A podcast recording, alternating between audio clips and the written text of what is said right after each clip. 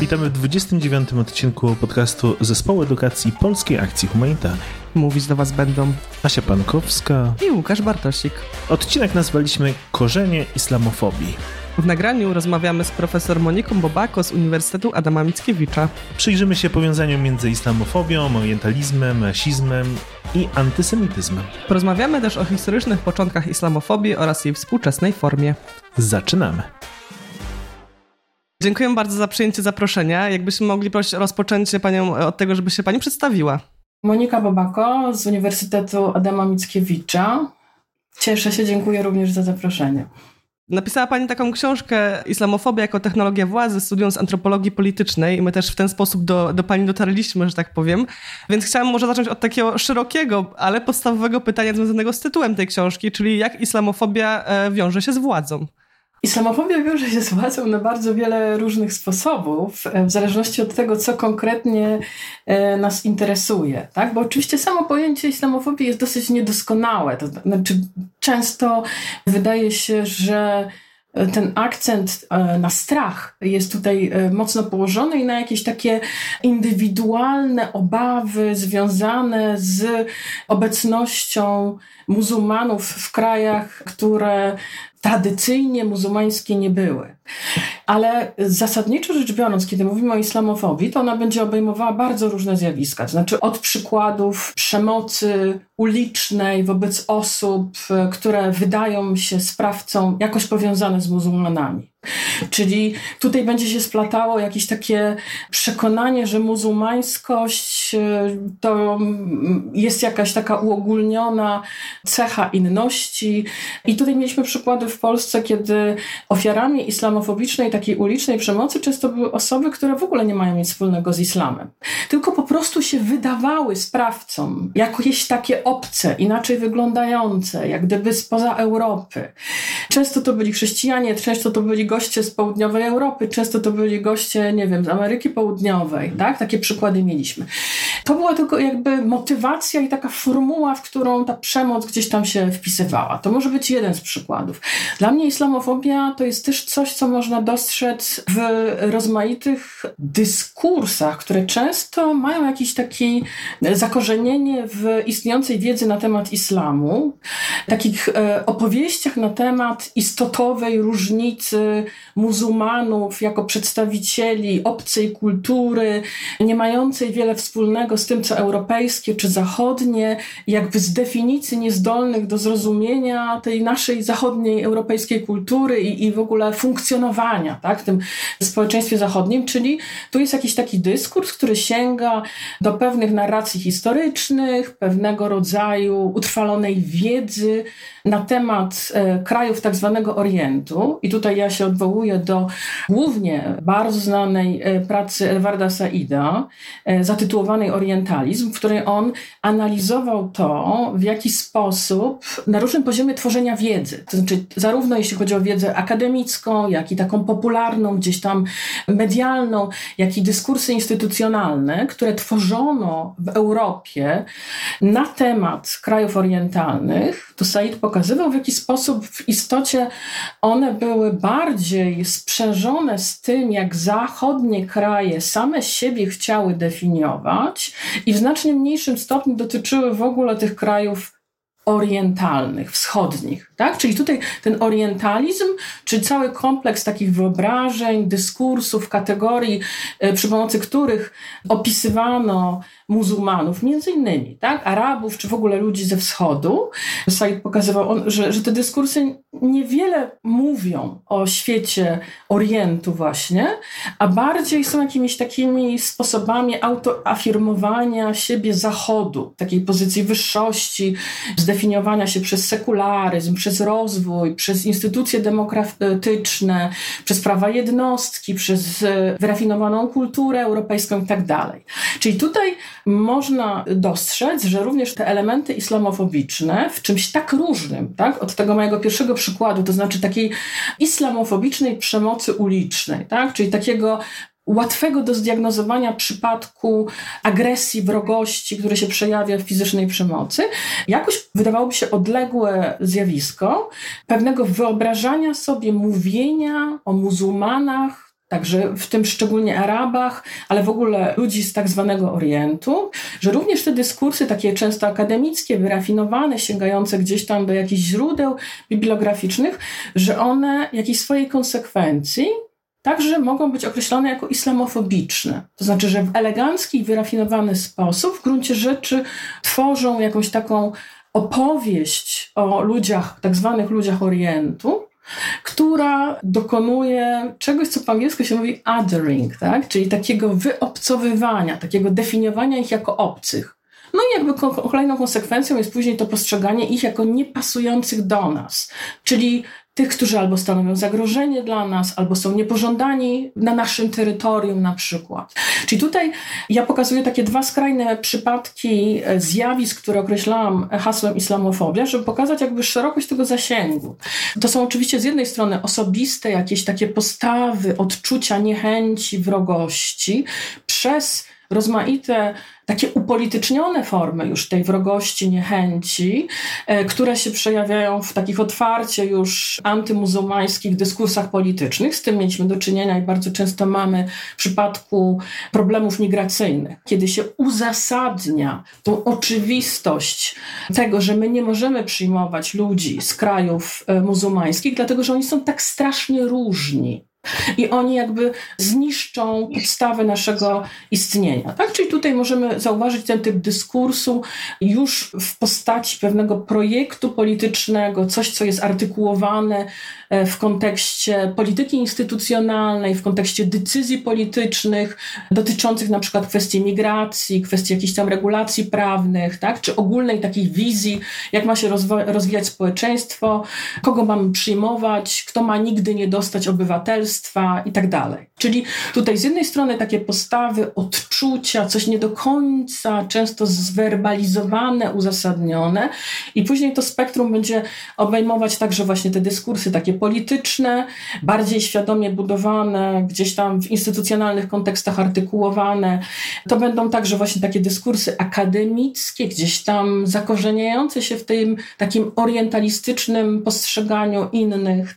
I często także będą to te elementy, takie, które określą jako islamofobiczne, będzie można znaleźć w dyskursach skądinąd jakby motywowanych dobrą wolą emancypacyjną, jeżeli mogłabym tak powiedzieć, tak? To znaczy...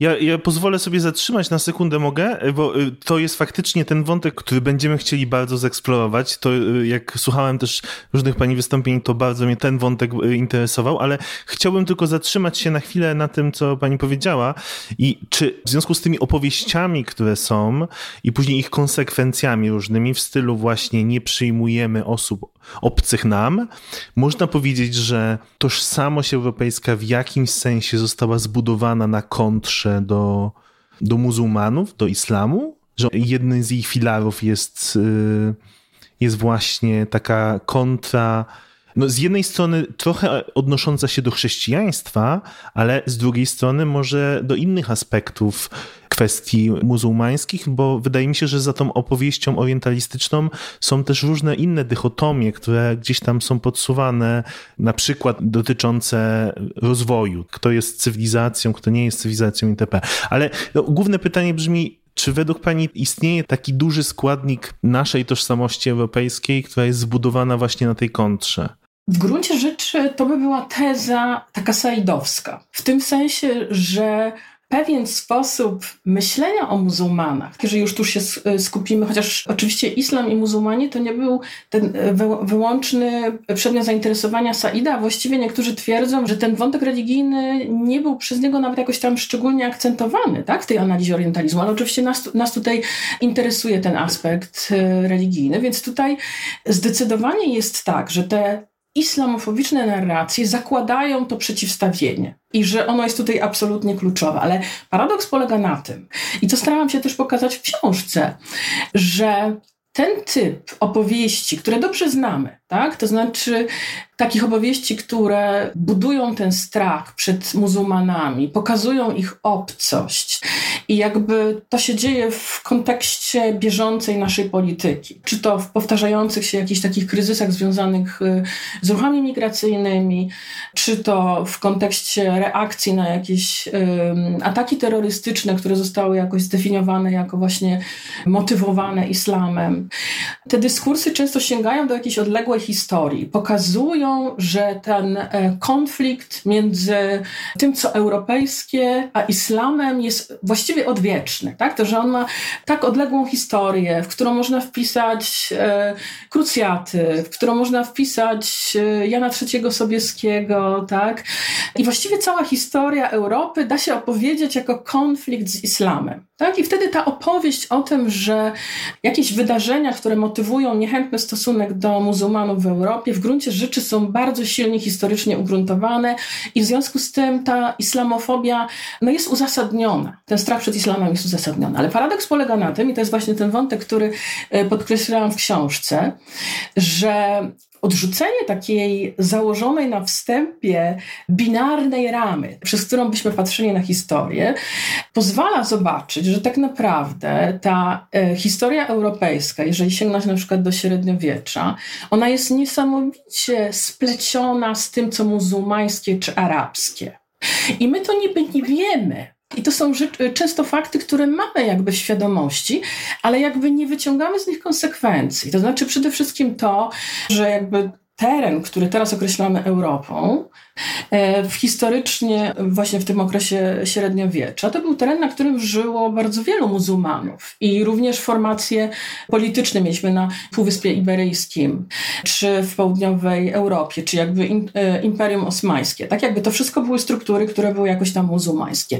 Te przepływy kulturowe pomiędzy tym, co muzułmańskie, a tym, co europejskie, były oczywiste. Jeżeli pomyśleć o tym, jaką rolę tutaj e, intelektualiści arabscy odegrali grali w transferze wiedzy do Europy. To znaczy, jakby całe to dziedzictwo antyczne, w jaki sposób ono, które było także dziedzictwem w ogóle blisko wschodnim, tak, czy śródziemnomorskim, w jaki sposób ono zostało w gruncie rzeczy e, w nowożytnej epoce przejęte od, e, jakby z tekstów arabskich, tak. Jeżeli Państwo sięgniecie do historii medycyny europejskiej, to w gruncie rzeczy całe średniowiecze to i przez kilkaset lat to są tylko jakby podręczniki arabskie do medycyny, tak, czy jakby e, konstrukcja szpitali na terenie Europy i tak dalej.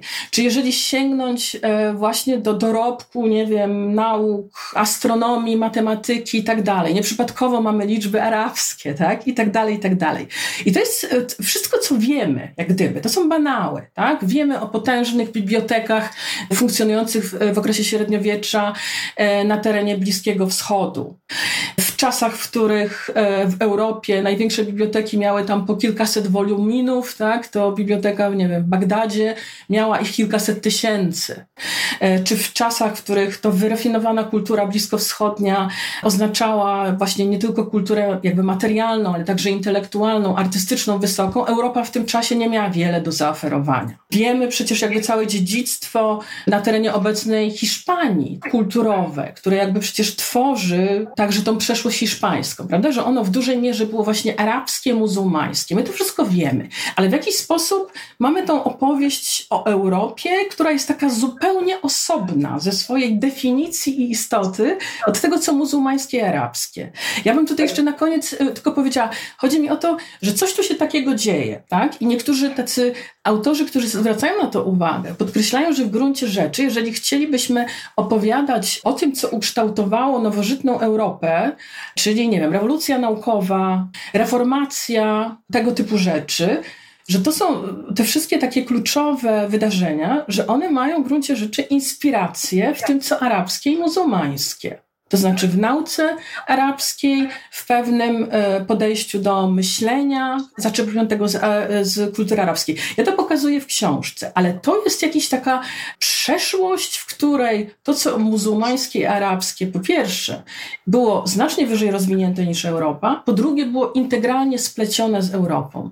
I my to później w tych orientalistycznych wyobrażeniach, że islam i muzułmanie, Arabowie to jest coś kompletnie odrębnego, nie mającego z Europą, z europejską ludzkością nic wspólnego, jak gdyby dokonujemy takiego wyparcia tamtej przeszłej historii.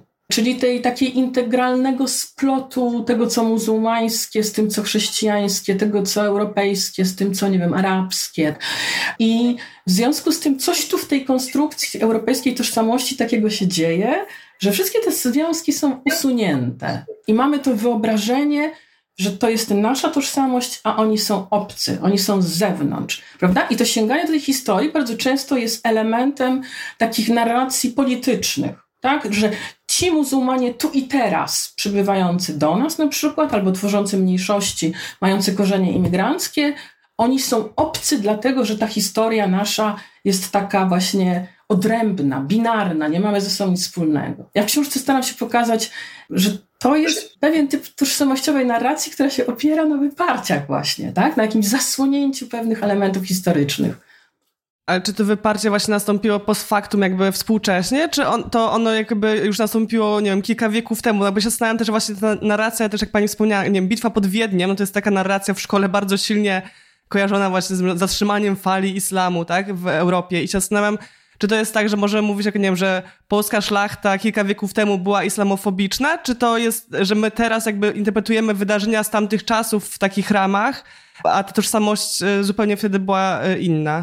No właśnie, to jest ciekawe, tak? Bo jeżeli Państwo spojrzycie na takie bliższe opracowania historyczne dotyczące właśnie tego okresu, którym, e, o którym Pani mówi, to się okazuje, że tak naprawdę stosunki na przykład Polski z, e, z Turcją były bardzo dobre przez większość historii.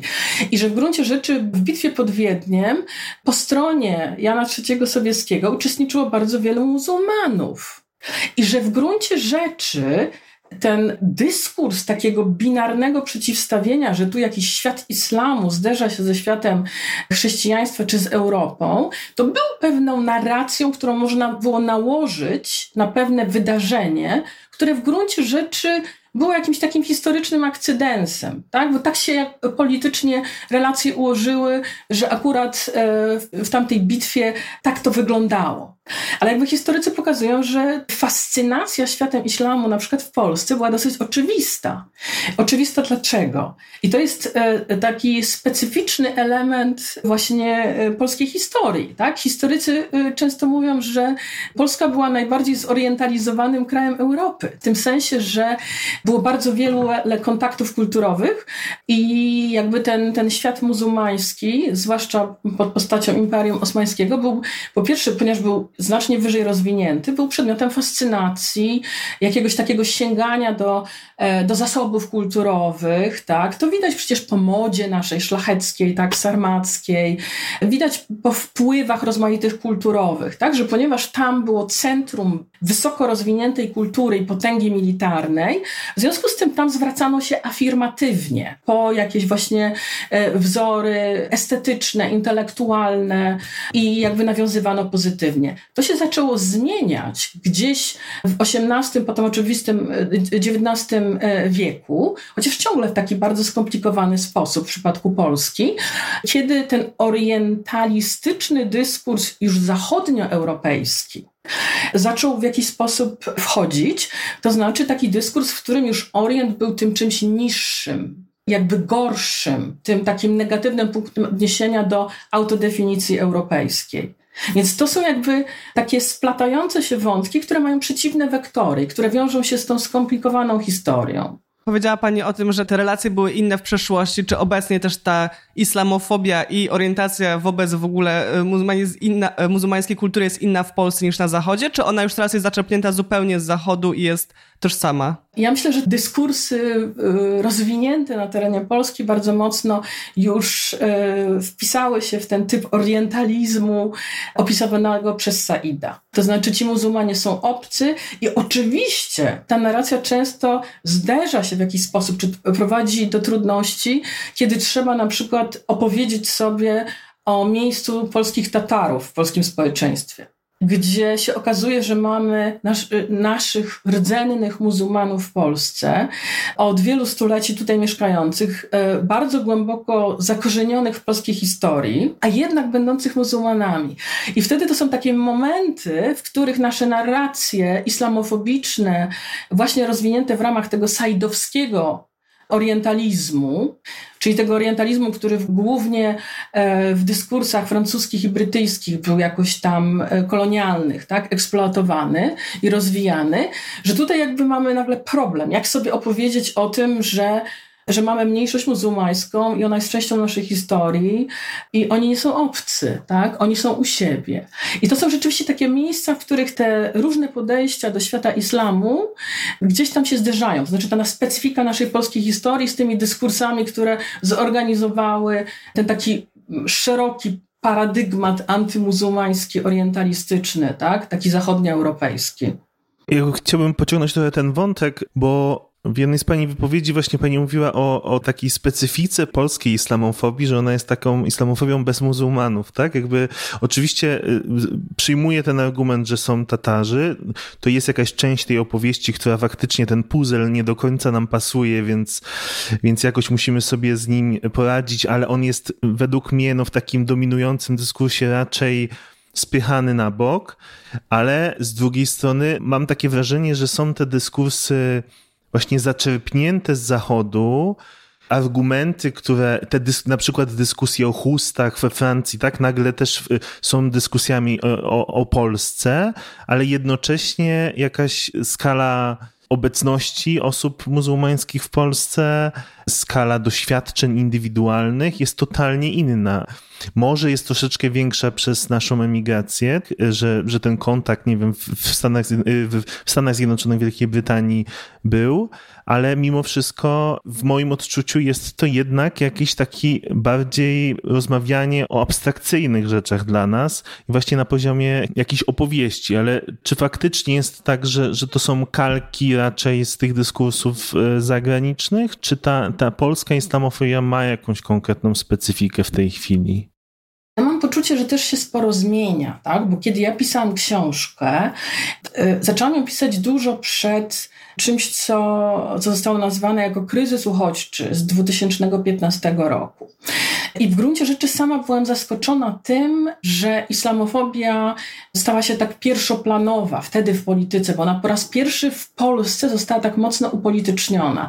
Wcześniej oczywiście istniała, ale gdzieś jednak na marginesach dyskursu publicznego. Wtedy to wybuchło. I to był rzeczywiście czas, kiedy zaczęła bardzo odgrywać istotną rolę. Wtedy mówiliśmy o tym, że w Polsce społeczność muzułmańska z tą niewielką częścią Tatarów jest w gruncie rzeczy w okolicach, statystycznie mówiąc, tam w okolicach pół promila, promila. Czyli to była niezwykle malutka społeczność i to uzasadniało, to nie byłam jedyną osobą, która mówiła, że to jest islamofobia bez, e, bez muzułmanów, chociaż rzeczywiście to jest o tyle jakby nieadekwatne stwierdzenie, że ci muzułmanie, którzy u nas byli, realnie doświadczali tej islamofobii na swojej skórze, tak? To znaczy poprzez e, zastraszanie, groźby śmierci, szykanowanie dzieci w szkołach i tak dalej. To były realne doświadczenia tych osób.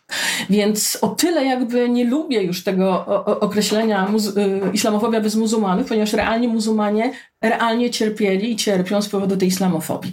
Ale mam poczucie, że to, co się od tamtego czasu wydarzyło, to po pierwsze chyba jednak to, że obserwujemy dużą liczbę migrantów zarobkowych na przykład. Te, te, grupy mamy w Polsce i to są też osoby z krajów muzułmańskich.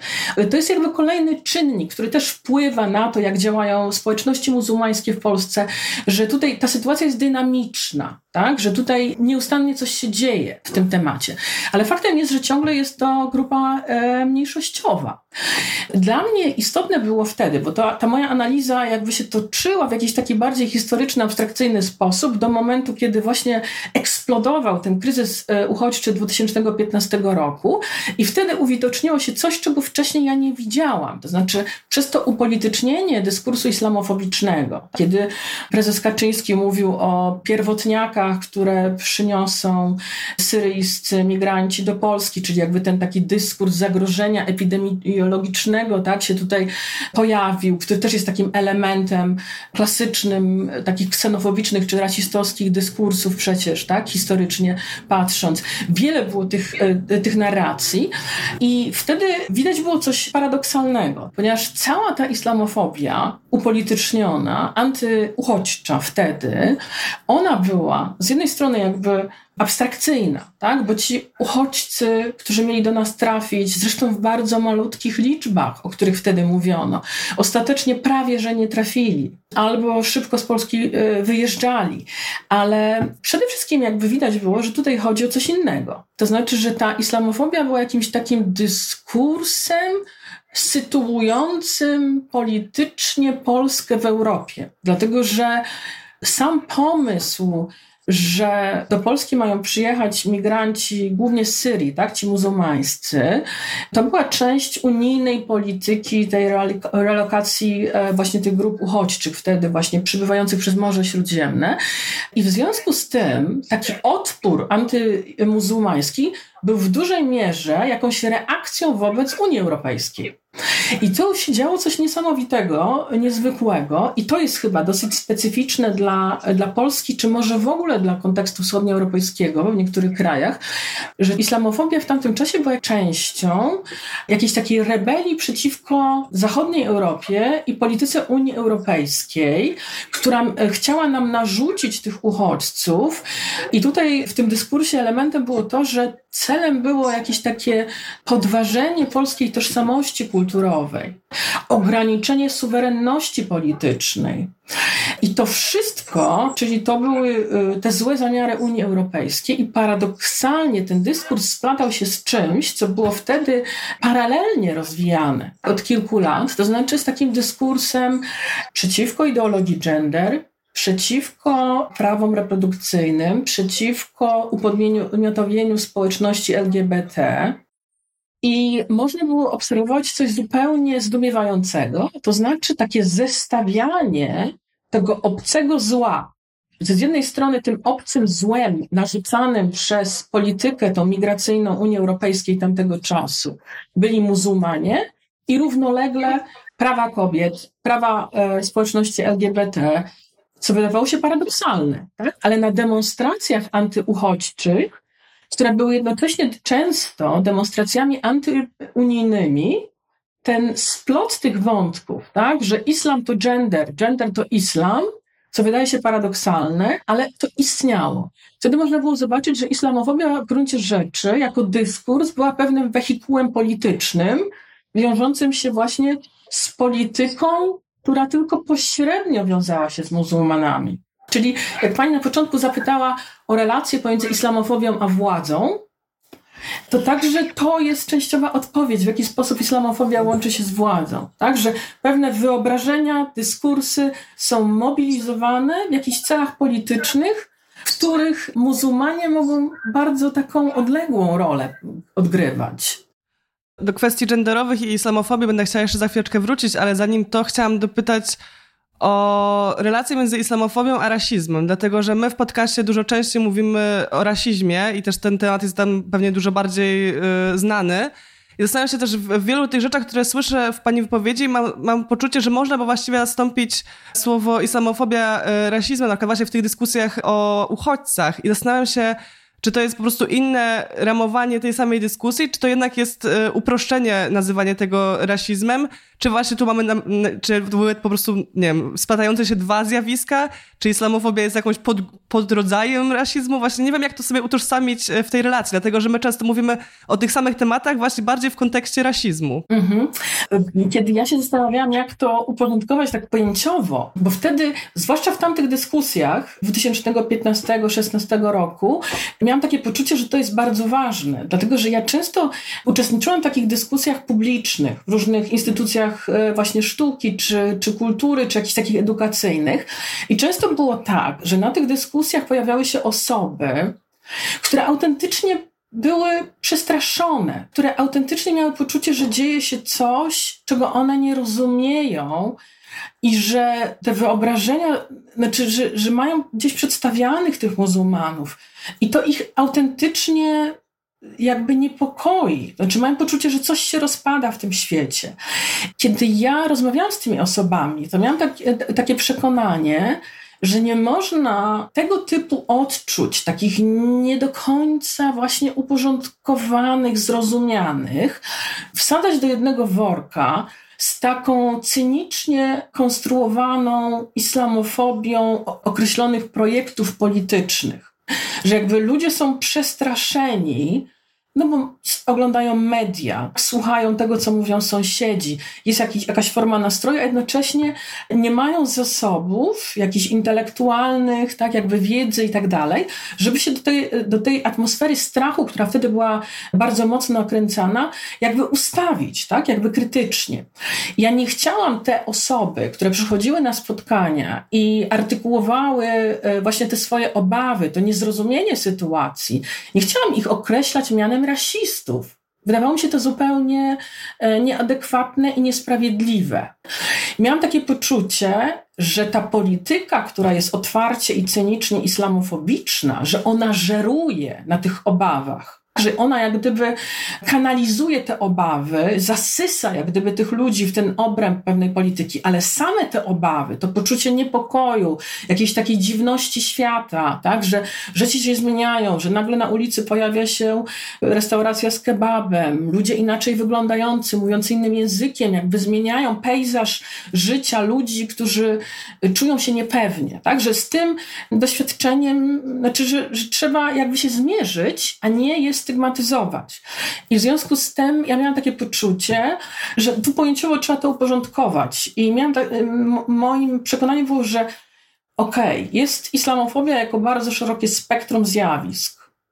Ale ja rezerwuję pojęcie rasizmu antymuzułmańskiego do bardziej określonych postaw, które są już upolitycznione, wbudowane w jakieś dyskursy instytucjonalne, są związane z pozycją władzy. Bo jakby trudno mówić o władzy w przypadku osób, które przestraszone tym, co zobaczyły w telewizji, przychodziły na jakieś spotkanie w Domu Kultury na temat y, muzułmanów, islamu i artykułowały swoje swoją dezorientację. Tak? Nie chciałam tego nazywać rasizmem. W związku z tym nie uważam, żeby pojęcie islamofobii należało traktować jako tożsame z pojęciem rasizmu antymuzułmańskiego.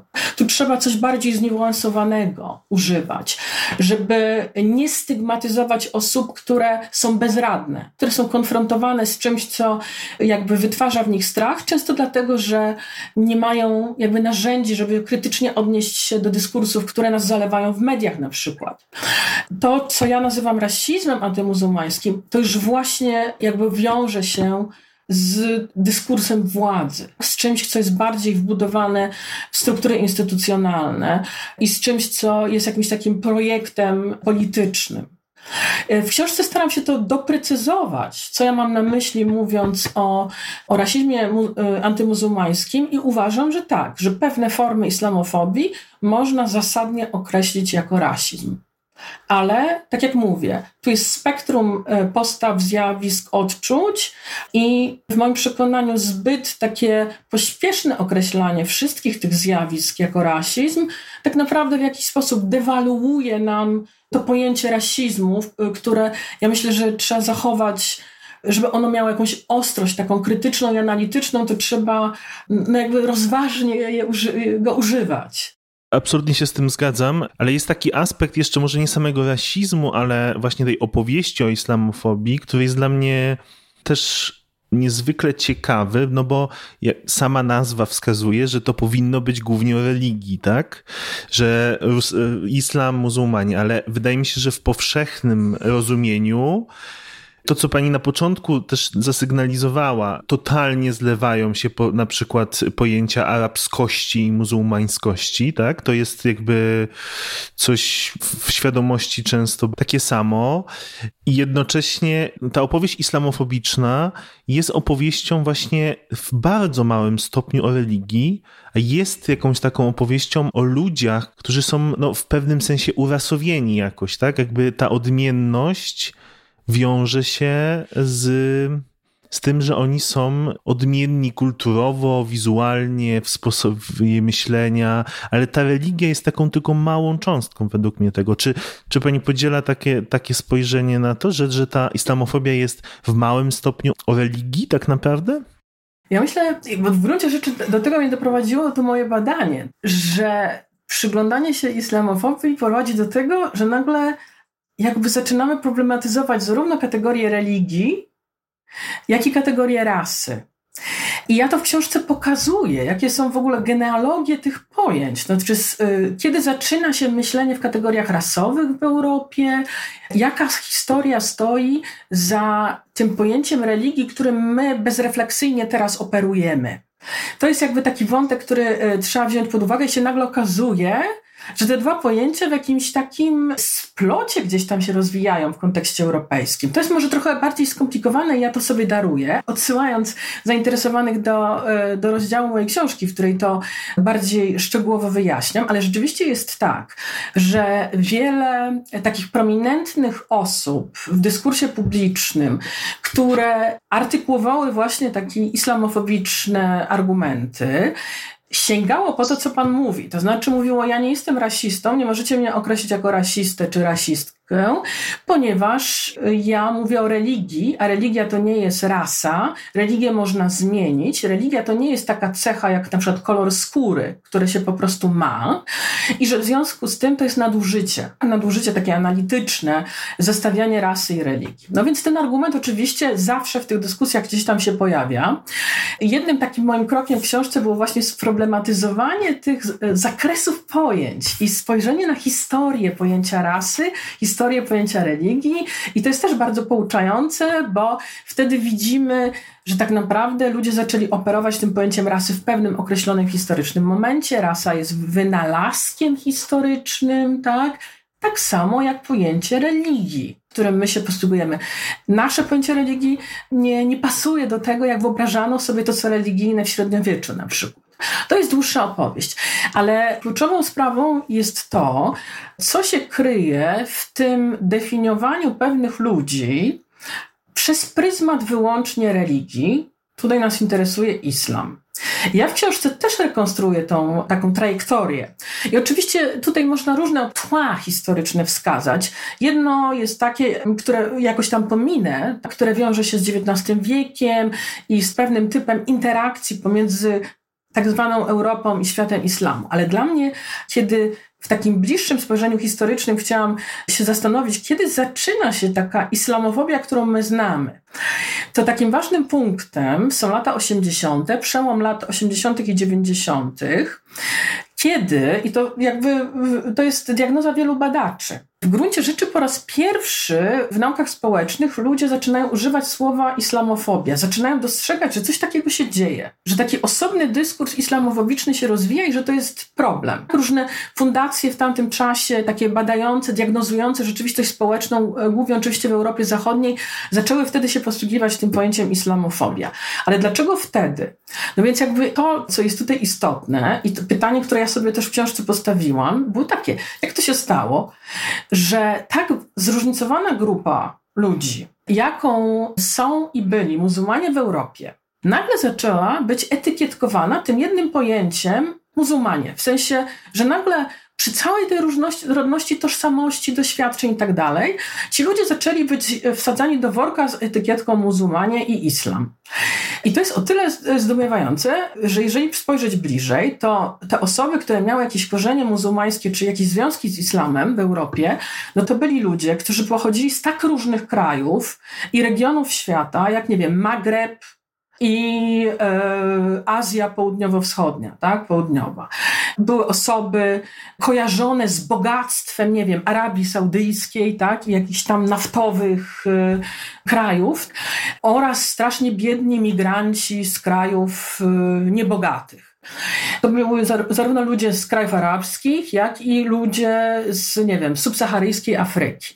Jeżeli do tej mieszanki dodamy nie tylko różnice klasowe, nie tylko różnice narodowe, jeżeli Państwo pomyślicie, jak bardzo to były różne w ogóle grupy kulturowe, jeżeli wziąć pod uwagę to, że w kontekście świata, jak gdyby, największym krajem muzułmańskim jest Indonezja, Arabowie stanowią tylko 20% wszystkich muzułmanów, około. Czyli mniejszość, zdecydowaną mniejszość, a ta arabskość z muzułmańskością nam się zawsze splatała. Jeżeli się weźmie pod uwagę obecność Tatarów w Polsce, tego, że jest ten rdzenny islam na Bałkanach, To nie są żadni imigranci. To są muzułmani bałkańscy, to są miliony ludzi, to są Europejczycy. I tak dalej, i tak dalej. Jeżeli się weźmie to niesamowite zróżnicowanie, że tu Algierczycy we Francji, tu Pakistańczycy w Wielkiej Brytanii, ci ludzie się często przecież nie mogli ze sobą dogadać w swoich własnych językach. To jest kompletnie jakby zróżnicowane korzenie kulturowe, językowe, polityczne. Zresztą pochodzą często z krajów, które były politycznie skonfliktowane i są. I nawet z jednego kraju, jeżeli, to jest mój przykład też z książki, jeżeli wziąć pod uwagę, nie wiem, Berberów i Arabów, na przykład z Algierii czy z Maroka. Są grupy w napięciach politycznych. A mimo tych wszystkich różnic, rozmaitego rodzaju, one są w Europie i nagle są po prostu muzułmanami. I to mi się zaczęło wydawać jakimś zdumiewającym procesem, że tak zróżnicowaną społeczność, która właściwie nawet nie jest społecznością, tylko zbiorowością, nagle etykietkujemy i tak esencjalizujemy, że to jest jedna całość. I w gruncie rzeczy ta procedura takiego wynajdowania muzułmanów w Europie zaczęła mnie interesować, jak to się stało i kiedy. No i tutaj argument jest taki, że tutaj kluczowym takim motywem jest oczywiście kontekst ekonomiczno-polityczny, związany z czym? Po pierwsze z końcem zimnej wojny, i z rozpadem tego podziału takiego na blok wschodni i blok zachodni, czyli kapitalistyczny, demokratyczny, komunistyczny tak, i opresyjny. Koniec reorganizuje jakby geopolitykę, ale wcześniej też w latach 80. już jakby upadek takich dyskursów politycznych, które były lewicowe, to znaczy, które postrzegały konflikty społeczne, rzeczywistość społeczną przez pryzmat kwestii redystrybucji, ekonomii, praw, e, relacji pracowniczych, rolniczych, klasowych relacji itd. Tak I tutaj e, są ciekawe analizy, które pokazują takich socjologów, którzy robią takie szczegółowe analizy dotyczące jednego kraju, w jaki sposób to, co wcześniej było opowiadane e, jako kwestia, nie wiem, pracowników zagranicznych, relacji klasowych i tak nagle zamieniło się w dyskusję na temat muzułmańskich imigrantów. Że tutaj nastąpił jakiś taki proces, że imigranci zawrobkowi zamienili się w muzułmanów, w kulturowo obcych, czyli przestali być tą klasą pracowniczą, przestaną opowiadać o zjawiskach społecznych z nimi związanymi w kategoriach właśnie tych klasowych, związanych z prawami pracowniczymi, z zasobami, z redystrybucją zasobów i tak dalej. A zaczęto jakby napięcia przedstawiać jako efekt różnic kulturowych. To jest oczywiście skomplikowane zjawisko, bo to z jednej strony jakby z, z, od tej strony dyskursu władzy się rozwinęło, a z drugiej strony też stało się takim dyskursem autoidentyfikacji. To się wiąże oczywiście z taką dynamiką procesów migracyjnych, gdzie tam kolejne pokolenia, potomkowie migrantów nie czują się już tak związani z krajem pochodzenia, tylko są już jakoś tak e, w Europie, ale nie do końca są przyjęci, poszukują alternatywnej bazy do tożsamości i wtedy jakąś taką platformą tej tożsamości staje się odniesienie do religii. Są skomplikowane różne takie procesy, ale w gruncie rzeczy one się intensyfikują w latach 80., przełom lat 80., 90.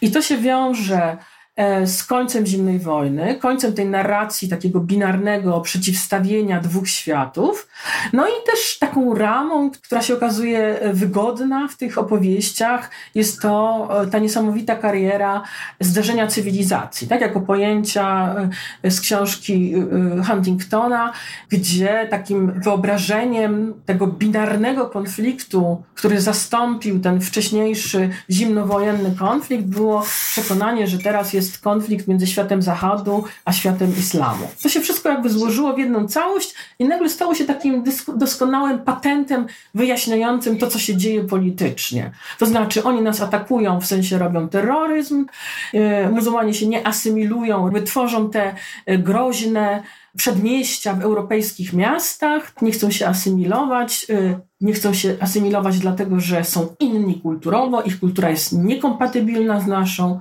Czyli ten dyskurs różnicy kulturowej przykrył fakt, że w gruncie rzeczy w wielu krajach muzułmańskie mniejszości miały swoje korzenie w tych grupach, które zostały ściągnięte przez europejskie kraje do Europy, dlatego że po II wojnie światowej te kraje rozpaczliwie potrzebowały siły roboczej. Czyli Francja ściągająca Algierczyków, Niemcy ściągające Turków. I po prostu ci ludzie byli niezbędnym elementem jakby tej maszyny tworzenia dobrobytu zachodniego, a lata 80. i później to był czas, kiedy przestali być potrzebni. To znaczy zmieniła się struktura gospodarki, globalizacja jakby wyniosła przemysł gdzie indziej i oni zaczęli być społecznością zbędną i wtedy takim dobrym, dobrą narracją było mówienie o nich jako o nieasymilujących się imigrantach, y, którzy mają obcą kulturę, a nie dlatego, że jakieś strukturalne warunki ekonomiczne sprawiają, że oni gdzieś tam tkwią na tych przedmieściach, bez nadziei, bez możliwości awansu społecznego i jakby wchodzenia w te społeczeństwa e, zachodnie, europejskie. Całkiem duża społeczność, która nas słucha, to są osoby, które w jakiś sposób są związane z edukacją. Są nauczycielki, nauczyciele, ale też edukatorzy z organizacji pozarządowych i w tym kontekście chciałam e, spytać o to, w jaki sposób edukacyjnie reagować na islamofobię, no bo wydaje mi się, że pierwszym odruchem często jest to, że właśnie edukować na przykład o islamie, ale w kontekście tego, co sobie dzisiaj powiedzieliśmy, wydaje mi się, że to nie jest do końca trafna odpowiedź e, na, e, na narrację islamofobiczną. Zastanawiam się, co jest tą odpowiedzią, no bo uczanie o, o kulturach, o religii, no to nie do końca chyba jest tam, gdzie jest problem, że te narracje trochę są z innego miejsca i pewnie trzeba by je jakoś rozbrajać bezpośrednio, a z drugiej strony, jak myślę sobie o kontekście szkoły, szczególnie jakaś szkoły podstawowej, to trochę nie wiem, gdzie by miała się zacząć ta praca. Czy, czy ma Pani może jakieś wskazówki, przemyślenia w tej kwestii? No właśnie to jest e, problematyczne, bo ja miałam takie poczucie obserwując właśnie wtedy, tak? Bo ja myślę, że ten 2015 rok był takim specyficznym momentem, w którym wiele naszych organizacji pozarządowych, czy y, jakichś takich grup, które walczyły z rasizmem, ksenofobią, zostało skonfrontowanych wtedy, że muszą sobie poradzić z tym problemem. Znaczy muszą to podjąć, a jednocześnie wiele osób miało poczucie, że nie wie jak, znaczy w jakim kierunku, bo po prostu nie mieliśmy wiedzy. Pewnie tej wiedzy dalej jako społeczeństwo nie mamy, ale też myślę, że dużo się zmieniło.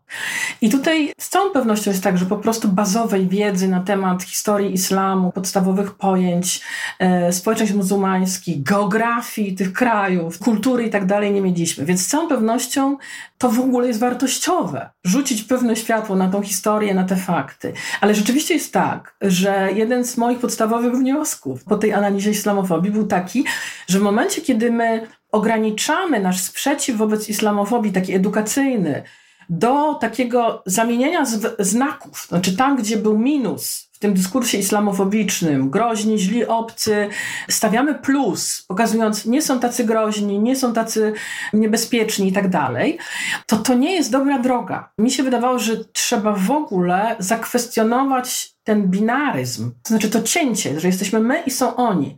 Nawet jeżeli zmienimy znak, to ci oni nie będą już źli, tylko będą dobrzy, ale ciągle będą bardzo inni, to to chyba nie jest dobra strategia. Założeniem i takim przekonaniem było, że tu trzeba zdemontować ten, to cięcie, pokazać, że jak bardzo jesteśmy podobni.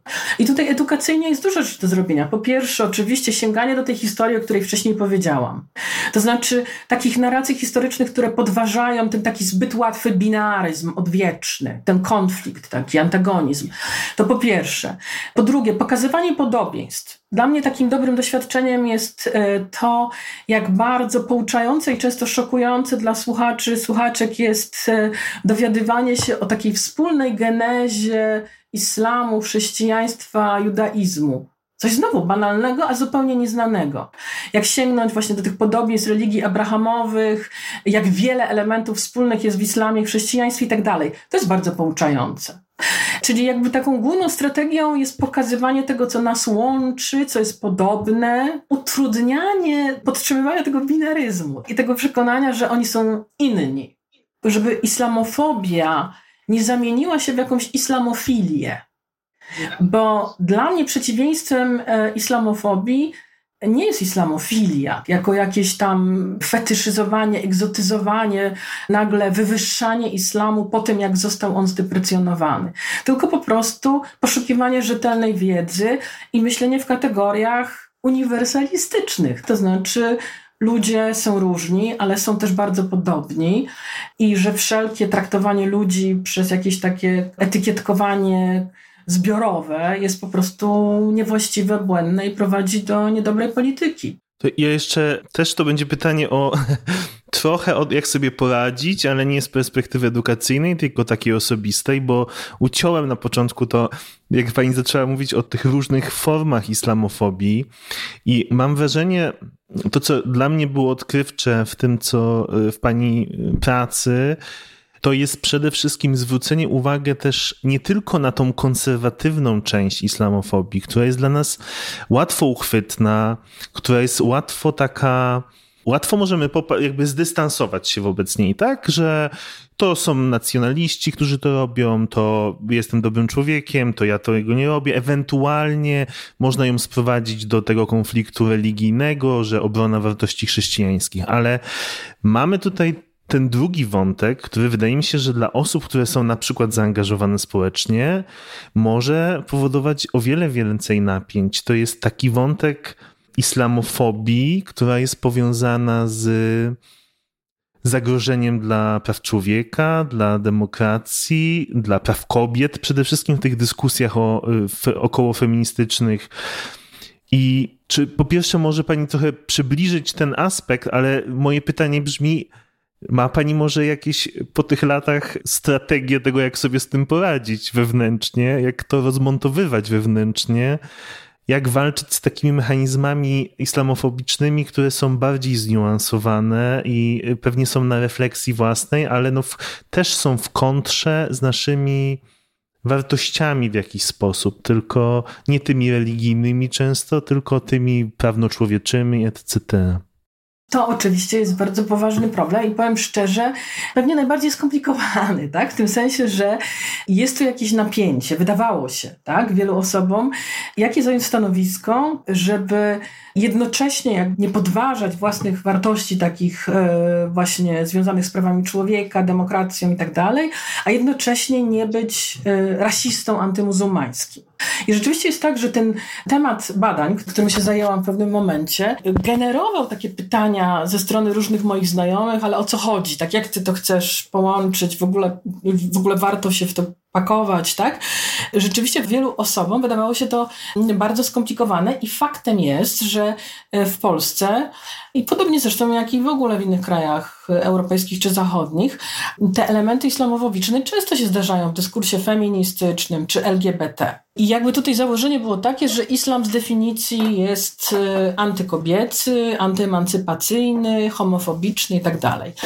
Jak tutaj można do tej sprawy podejść? Dla mnie po pierwsze takim tropem dobrym do tego, żeby jakoś sobie z tym radzić jest przede wszystkim pogłębianie wiedzy. To znaczy, na przykład, przyglądanie się różnym mobilizacjom kobiecym w krajach, gdzie islam odgrywa jakąś większościową rolę. I to zwykle e, w takich dyskusjach wokół islamofobii było coś absolutnie szokujące dla większości osób, dlatego że My zasadniczo bardzo niewiele wiedzieliśmy na temat tego, że w wielu tych krajach istniały organizacje feministyczne, kobiece, mobilizacje feministyczne, tylko po prostu to nam się nie wklejało w obraz świata, tak? E, ponieważ e, ta orientalistyczna rama właściwie wykluczała. To znaczy ten stereotypowy wizerunek kraju arabskiego jest taki, że tam w ogóle nie, nie ma miejsca dla feminizmu. Dla mnie takim ciekawym doświadczeniem było poznanie osób, y, zarówno poprzez lekturę, książki, teksty, jak i przez osobiste spotkania y, z osobami, które się definiowały jako feministki islamskie. I nagle odkrycie tego, że w islamie jakby są nurty intelektualne, które starają się artykułować kwestie praw kobiet, równości płci, upodmiotowienia kobiet i tak dalej. I że próbują to robić także w języku religijnym, nie tylko, bo w tych krajach e, muzułmańskich istnieje także feminizm świecki, który też jest jakoś mniej lub bardziej krytyczny wobec religii. To w jakiś sposób zaburza taką czystość tego podziału, że jakby islam jest nie do pogodzenia z jakimikolwiek prawami kobiet czy mniejszości seksualnych na przykład. Czyli znowu tu jest tak, że bliższy wyższe spojrzenie na rzeczywistość, wsłuchanie się w te głosy, które na ogół w ogóle nie wybrzmiewają z racji tego, jak mamy to nasze myślenie zdominowane przez tą orientalistyczną ramę pojęciową, nagle komplikuje obraz. I ja mam takie poczucie, że to wymaga wtedy od nas myślenia o języku emancypacyjnym w bardziej zniuansowany sposób. To znaczy, musimy się, jakby z tych pozycji, nie wiem, feministycznych, przemyśleć własne strategie argumentacyjne. I tutaj, kiedy ma, mówię o tym, ja w książce podaję takich kilka przykładów. Rzeczą, którą dostrzegłam, analizując te dyskursy feministyczne w Polsce, jak często one były islamofobiczne. I tutaj w książce przywołuję taki performance w czasie Kongresu Kobiet, kiedy z inicjatywy chyba Manueli Gretkowskiej tam dziewczyny zakładały tam coś na głowę, co miało sygnalizować burkę, czy takie odwołania w różnych narracjach feministycznych właśnie do tego, że ograniczanie praw kobiet w Polsce jest paralelą do tego, co się dzieje w islamie. I tutaj można było zobaczyć, że bardzo często ten typ islamofobicznych stwierdzeń, czyli takiego założenia, że wszystko co muzułmańskie to jest gorsze, niecywilizowane, opresywne, w naszym kontekście często służą jako metafora, jako taki element wzmocnienia krytyki. Krytyki czego? No, w Polsce religii katolickiej, czy jakby e, katolickiej w tej postaci upolitycznionej, tej, w tej postaci, w której ona wchodzi e, w relacje z władzą, domaga się jakby e, zakodowania w prawie, wpływa na, na ograniczenie praw reprodukcyjnych w Polsce na przykład. I wtedy jakby ta feministyczna krytyka sięga do, tej, do takich metafor, gdzie porównuje coś, co się dzieje w Polsce, do tego, co się dzieje w islamie wyobrażonym, i wtedy ta krytyka niby jest wzmocniona. Czyli to jest taka metaforyczna funkcja islamofobii w dużej mierze.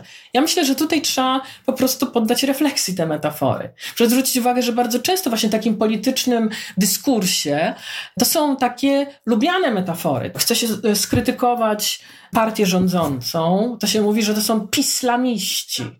Czy jakby porównuje się prawicowe rządy do rządów muzułmańskich, biskupów do ajatollahów, że tutaj jest jakaś taka struktura argumentacyjna, w której założona jest oczywistość tego niecywilizowania islamu. Ja myślę, że przynajmniej w niektórych środowiskach feministycznych ta dyskusja jakoś tam się odbyła. Tak? Znaczy, że, że zaczęliśmy myśleć, ok, że coś tu się chyba niepotrzebnie dzieje, że możemy poszukać innych metafor, że może to jest niepotrzebne reprodukowanie tej, tej takiej ramy islamofobicznej. Znowu, dyskusje o chustach, kiedy mamy kontekst irański. Jakaś refleksja się przyda, żeby mieć świadomość, że problemem na przykład w Iranie jest nie sama chusta, tylko władza, która narzuca, że kobieta ma jakoś się ubierać. Albo w chusty, albo bez chusty. Czyli jakby znowu, żeby nie traktować hijabu jako czegoś z definicji opresyjnego, tylko jakby problemem niech będzie władza, która narzuca kobietom sposób ubierania się. Bo e, przykład irański jest o tyle ciekawy, że wcześniejsza historia Iranu i kobiet to była historia narzuconego przez władzę zrywania hijabu, która także miała negatywne konsekwencje dla wielu kobiet. Tam po prostu władza co jakiś czas wymyślała nowy sposób na to, co kobiety mają robić ze swoim wyglądem, ubraniem i y, mają pokazywać te włosy albo nie pokazywać włosów. Więc jakby potrzeba trochę refleksji, żeby bezmyślnie nie reprodukować tych klisz islamofobicznych, żeby widzieć, że rzeczywistość jest trochę bardziej skomplikowana.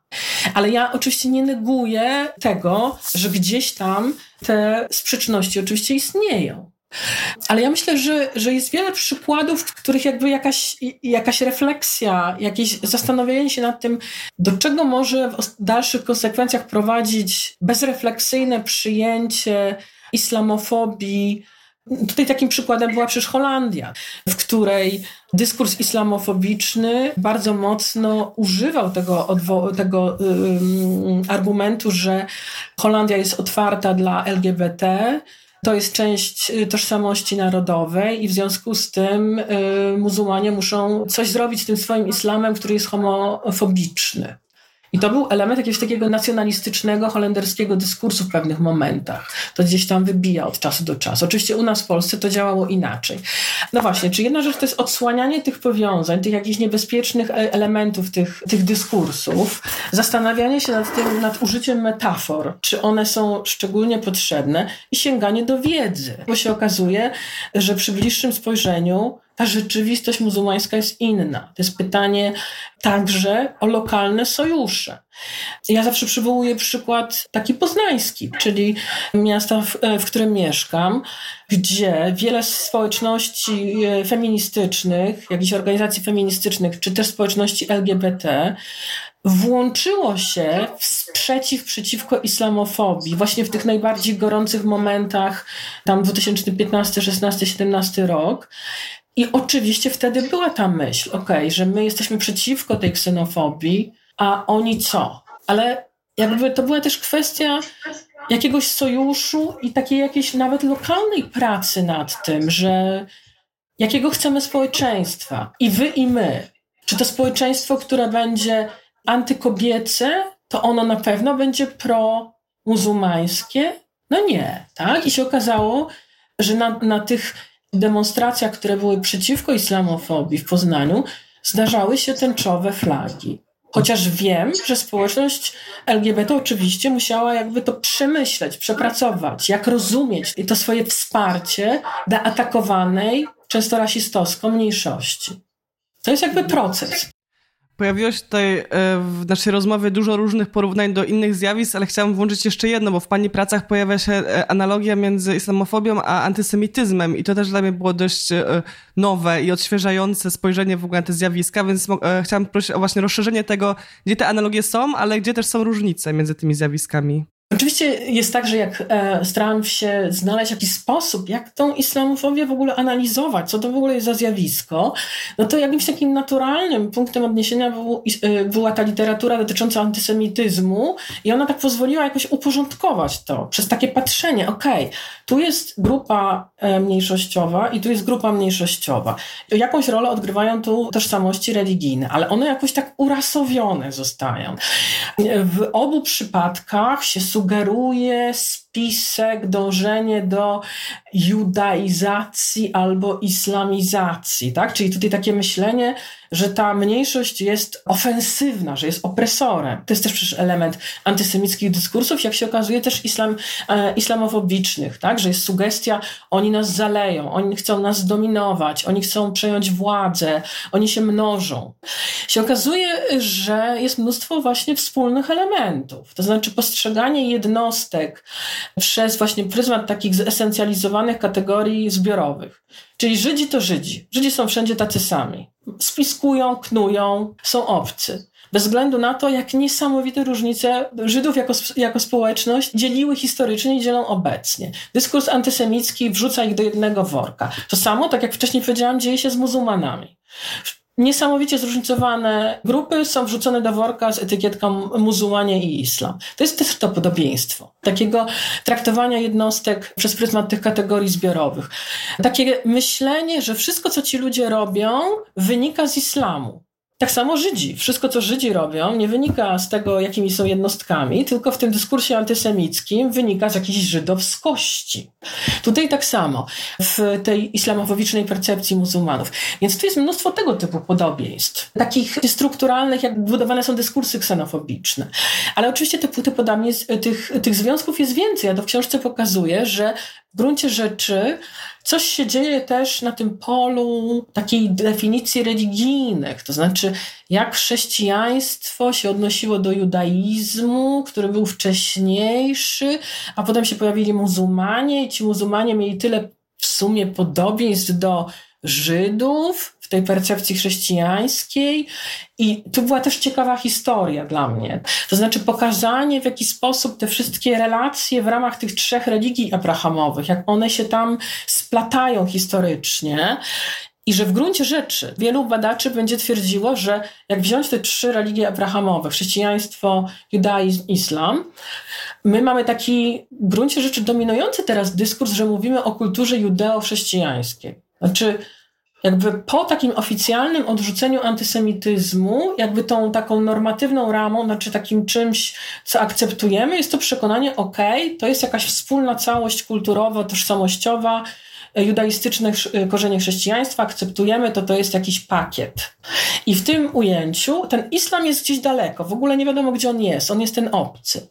No a tutaj ciekawe jest spojrzenie takich właśnie historyczno-religioznawcze na przykład, które pokazuje, że przy bliższej analizie to więcej łączy islam i judaizm. Tu jest więcej strukturalnych podobieństw niż judaizm a chrześcijaństwo. I to jest też taki wątek. Wtedy te pytania o związki między antysemityzmem i, an, i islamofobią też jakby zyskują kolejny, kolejny wymiar. Dla mnie w książce ważnym elementem też jest to, co się dzieje wokół konfliktu palestyńsko-izraelskiego. Tam też się artykułują te kwestie związane z islamofobią i antysemityzmem. One czasami idą paralelnie, czasami w kleszu, tak? To znaczy ci, którzy są przeciwko antysemityzmowi, czasami sięgają po język islamofobiczny w kontekście konfliktu palestyńskiego. Broniąc polityki izraelskiej, mówią o tym, jak agresywny jest islam w tamtym kontekście. Też staram się to analizować w książce. To jest też e, ważny element tej opowieści. W Polsce jednym z takich wątków, który skłonił mnie do tego postawienia pytania o relacje między islamem, a, znaczy islamofobią, a antysemityzmem, były znowu takie wydarzenia uliczne. To znaczy, to był chyba 2016 rok, kiedy taki człowiek e, nazywający się Piotr Rybak we Wrocławiu na antyuchodźczej, antymuzułmańskiej demonstracji spalił kukłę Żyda. I to było takie zdumiewające w pierwszej chwili, że mamy antymuzułmańską demonstrację, i tam jakieś antysemickie, klasyczne rzeczy się dzieją. O co tu w ogóle chodzi? Tak? Jak to wszystko powiązać? Kolejnym takim wątkiem było to przywoływanie jakichś takich antysemickich afirmacji Holokaustu, co jest dosyć straszne, ale miało miejsce wtedy w 2015 roku i takie łączenie tego z uchodźcami tymi muzułmańskimi. I tutaj widać było, że to nie są takie odosobnione przypadki, że jakieś takie antysemickie motywy wiążą się z islamofobią. Ale ten obraz tych związków jest znacznie bardziej skomplikowany. Ja staram się to jakoś zmapować w książce.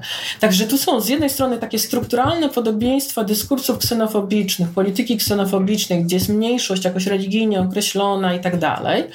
Później jest cała historia relacji między religiami abrahamowymi i to, jak różne jakieś antagonizmy polityczno-religijne się artykułowały. I to też jest pole tych właśnie albo paraleli, albo takich między antysemityzmem i islamofobią.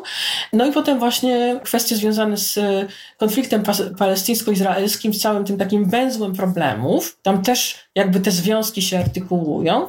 No i później w Polsce ten mój przykład z Piotrem Rybakiem to była jeszcze inna opowieść. Tam znowu była sugestia, że to Żydzi rządzą Unią Europejską, i to właśnie ta żydowska Unia Europejska chce nam narzucić muzułmańskich imigrantów. I ten związek tego antysemityzmu z islamofobią przybierał jeszcze jedno, jeszcze inną, tak, jakby artykułował się w jeszcze innej, jakiejś takiej paranoicznej, przemocowej formule. Dziękuję bardzo. Ja podpytam jeszcze o to, co zmieniło się w tym zjawisku od czasu napisania książki, bo sama pani wskazywała na to, że już trochę czasu minęło.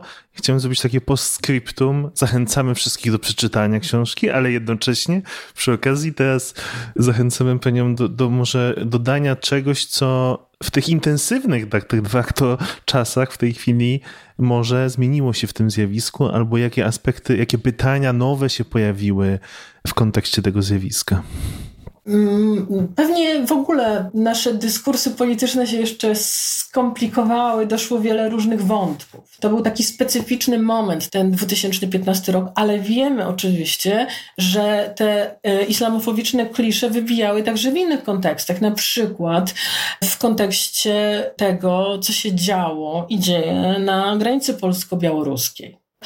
Tam też na samym początku, te półtora roku temu, była taka sławetna czy niesławna konferencja prasowa, na której nasze władze prezentowały jakiś taki, ta, taką argumentację, która miała wspierać, e, znaczy, która miała tworzyć poczucie zagrożenia i która miała uzasadniać szereg tych rozwiązań instytucjonalnych, które przyjęto i które w dużej mierze jak się teraz dowiadujemy stopniowo z decyzji sądów, tak, jakby nie była zgodna z prawem. To znaczy kwestia stanu wyjątkowego, pushbacków i tak dalej.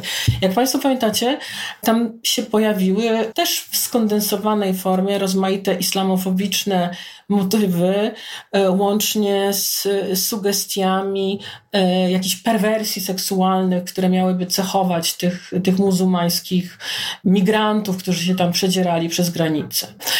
Pewnie jest tak, że ten dyskurs islamofobiczny, który ciągle istnieje, on zszedł z tego pierwszoplanowego, tak, jak gdyby um, politycznego dyskursu. Wiele innych e, elementów gdzieś tam się pojawiło, ale oczywiście myślę, że od czasu do czasu on i tak może być mobilizowany. W moim przekonaniu jest też tak, że ten, ta eksplozja wtedy upolitycznionej islamofobii sprawiła, że bardzo wiele ludzi, organizacji zaczęło się wtedy uczyć. To znaczy, to był powód, dla których e, wiele ludzi jakby miało to doświadczenie dezorientacji i doświadczenie braku wiedzy, i w związku z tym dużo rzeczy się zadziało, tak? takich edukacyjnych. Oczywiście ja ciągle mm, mam świadomość, że to jest e, gdzieś tam niszowe. To znaczy, że w skali społecznej, no nie wiem, nie przepracowaliśmy programów szkolnych, żeby zmienić sposób nauczania historii czy jakieś tego typu rzeczy. Ale mimo wszystko mam poczucie, że przynajmniej w niektórych częściach społeczeństwa, niektórych organizacjach, czegoś się nauczyliśmy. Coś przeczytaliśmy, jakąś wiedzę zyskaliśmy, jakieś książki zostały wydane, przeczytane i docenione. I w związku z tym to jest inna sytuacja. Wydaje mi się, że to jest taka baza, na której e, będzie można e, coś oprzeć.